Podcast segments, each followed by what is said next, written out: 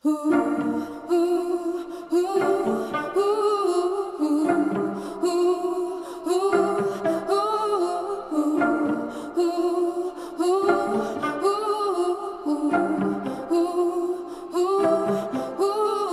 17, I started to starve myself. I thought that love was a kind of emptiness, and at least I understood felt.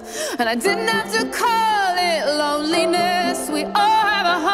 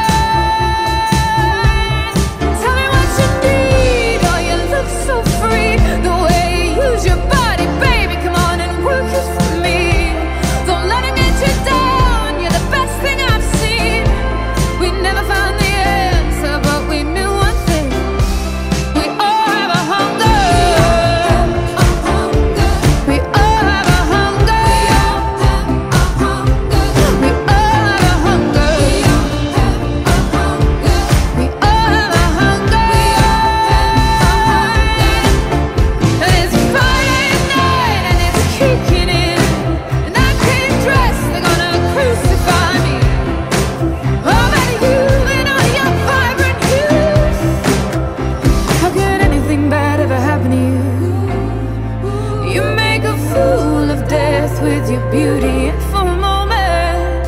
I thought that love was in the drugs, but the more I took,